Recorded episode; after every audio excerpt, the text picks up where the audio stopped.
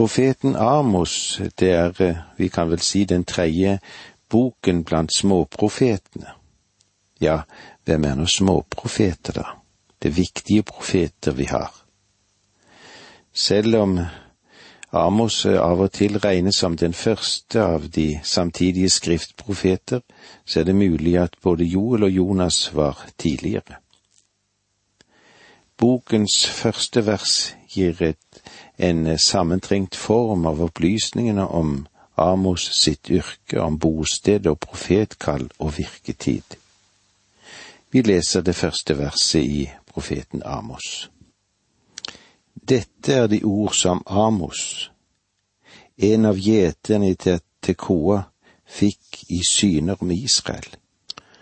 Det var på den tid da Usia var konge i Juda og Jeroboam, sønn av Joash, var konge i Israel to år før jordskjelvet. Han var altså fra en liten by, Tekoa, om lag en mil sør for Betlehem. Byen den lå på høyde med Judeas ørken, eller der den begynner.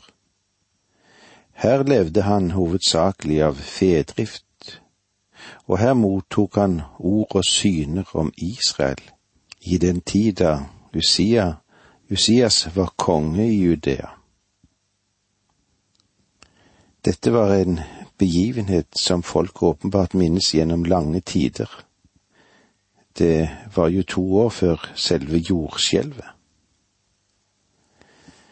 Selv om eh, Amos var fra Sydriket Juda, fikk han allikevel Herrens kall om å profetere mot Nordriket, som er Israel. Selv om enkelte profetier også går mot det vi så først, altså mot Juda. Begge riker hadde i Amos sin dager en glanstid. Både Usias og Jeroboam var dyktige konger. En kan vel òg si at de var heldige med sine krigstokter, hvor eh, de hadde erobret tilbake de gamle israelittiske områdene, slik at rikets grense nå til sammen lå der det gjorde i Davids og Salomos sine dager. Av de to rikene var det vel Nordriket som var det største og kanskje det mektigste. Men her var det også mest nødvendig med et Herrens inngrep. En beruste seg i sin storhetstid og lukket øynene for den nye verdensmakta Syria. Den skulle snart bli farlig for Israel. Men de levde i sorgløs trygghet og vellevnet. Og det var ikke bare rent politisk, men også økonomisk i en lengre periode. Handelen hadde fått sterkt tak og var i oppsving. Store karavaner dro gjennom landet fra øst mot vest og omvendt. Men den voksende rikdom den var på få hender. Og samfunnet kom til å lide under en stor sosial ulikhet. Penger ble lånt ut mot høye renter. Man tok pant i de fattiges korn, og de brydde seg lite om at folk svalt. De forfalsket både det som hadde med vekt og mål å gjøre og så tok de ublu pris eller betaling av de som var i nød. Hånd i hånd med dette så fulgte det òg med det som er farlig for alle nasjoner, drukkenskap og usedelighet. Heller ikke religiøst sto folket sterkt, selv om det rådet en viss iver i Guds avgudsdyrkelsen, især i det religiøse senter Betel. Dan og Gilgal holdt eh, store kultusfester. Ja, enkelte israelitter syntes enda å ha valfartet til Berseba i Sydriket. En ga sin tiende og førte frem sine ofre, og de lengtet etter Herrens dag, da Gud skulle knuse alle Israels fiender og gjøre dets herlighet større enn noensinne. Men det hele var skall uten kjerne. Tilbedelsen av den sanne Gud ble mer og mer oppblandet med fremmed avgudsdyrkelse. Og her var det altså Amos satt inn med sin mektige domsforkynnelse.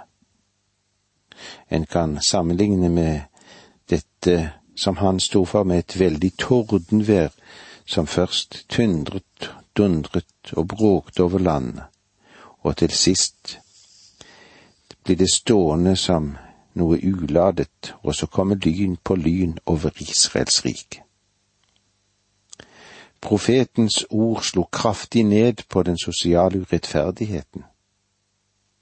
Den moralske utglidning var farlig, den religiøse hulheten som da oppsto. Hans forkynnelse var etisk orientert med en sterk understrekning av Guds rettferdighet. Dersom folket ikke vil vende om mens det ennå er nådens tid, så skal Gud en dag gjengjelde all den urett som til stadighet foregikk mellom menneskene. Først og fremst gjennom hans eget eiendomsfolk, men også blant hedningefolkene. Amos synes å ha opptrådt ved selve helligdommen i Betel. Så lenge hans doms utsagn gjaldt nabofolket, er hans forkynnelse rimeligvis blitt hørt på, ja, enda, enda med velvilje. Men da han vendte brodden mot Israel selv, da ble det annerledes. Øversteprestene rapporterte saken til kongen og bød profeten forsvinne fra landet. Det er eh, mulig at det er takket være denne omstendighet vi har fått dette skriftet av Amos, slik som han har skrevet det til oss. Det er i alle fall av enkelte antatt at profeten skrev sin bok etter sin gjenkomst til Juda. For på den måten å fremdeles kunne nå sine landsmenn både i nord og sør. Og kanskje også først nå at de lyse toner bryter frem om en ny og rik tid for Davids hus. Når Herren gjør ende på sitt folks fangenskap. Amos bok er en enhet både språklig, historisk og logisk. Den er blitt skrevet på det vi kaller for klassisk hebraisk, og er betegnet som noe av det beste og mest stilrene i hele Det gamle testamentet.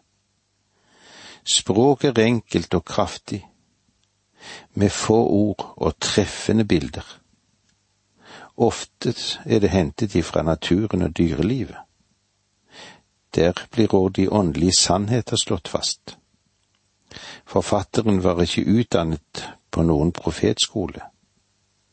Han var det vi kan si folkets mann, men allikevel var han rikt utrustet som menneske. Han var òg en gudgrepet og åndsfylt profet.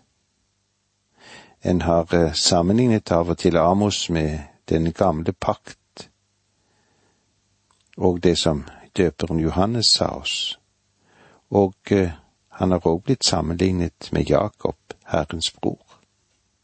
Eller la oss se litt i apostelens gjerning i det syvende kapittel, vers 42 til og med 43.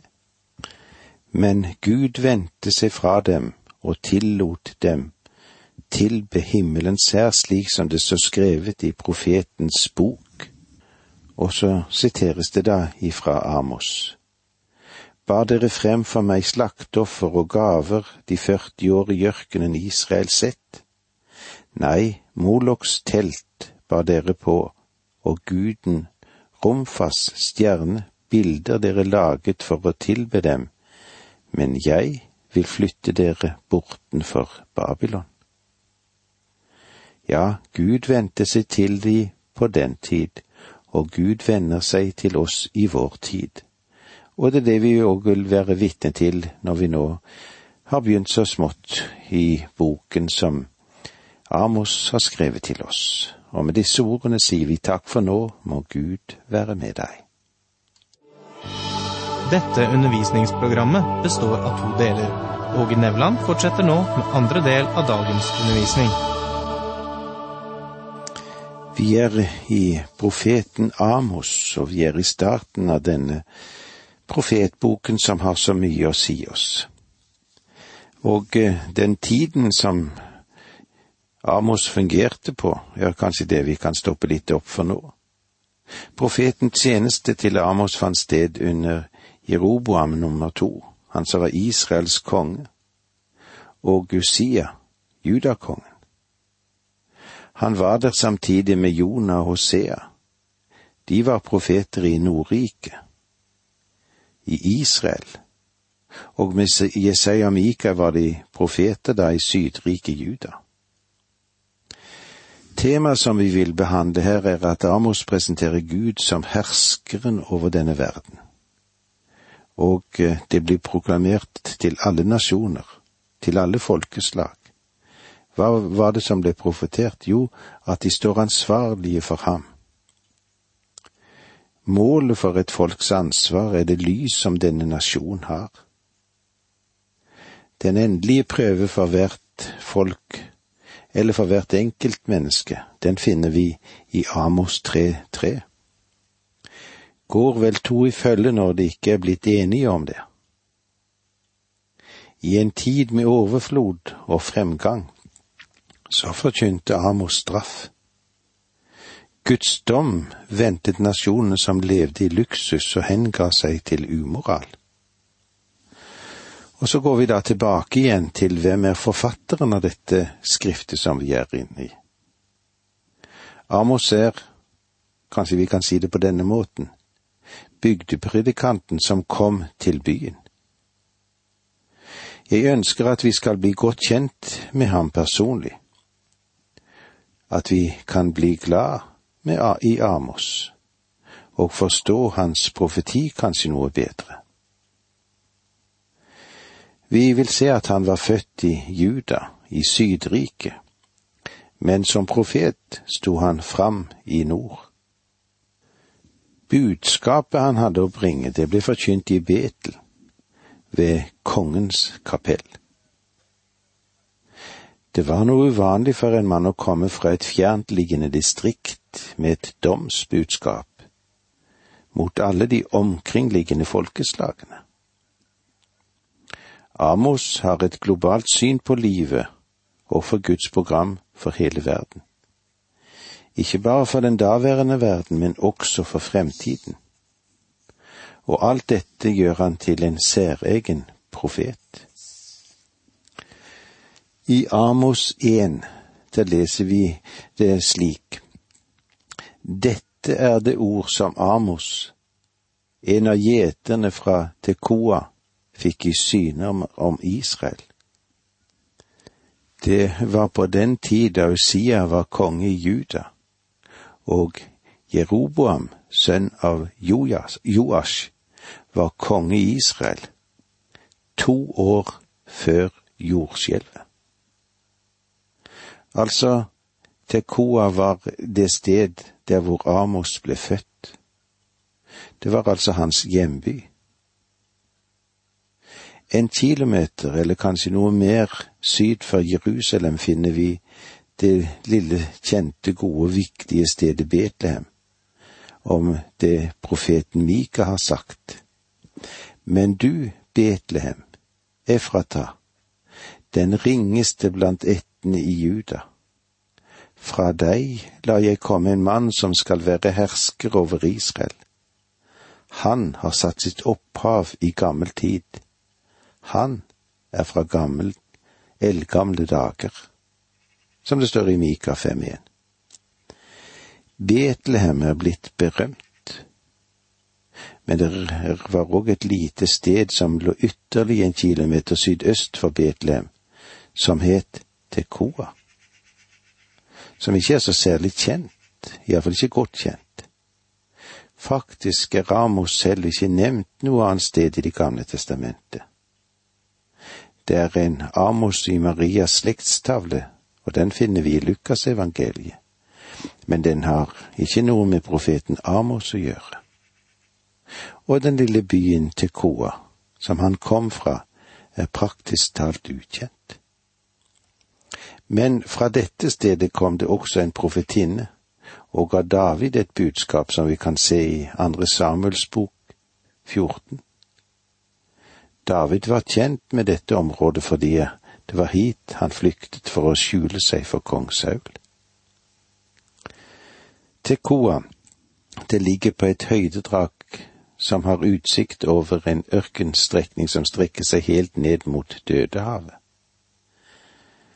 Her uler villdyrene om natten, om dagen kan du se rester av beduinleirer. Det er et lite annet merke etter disse nomadene som har beveget seg gjennom ørkenområdene.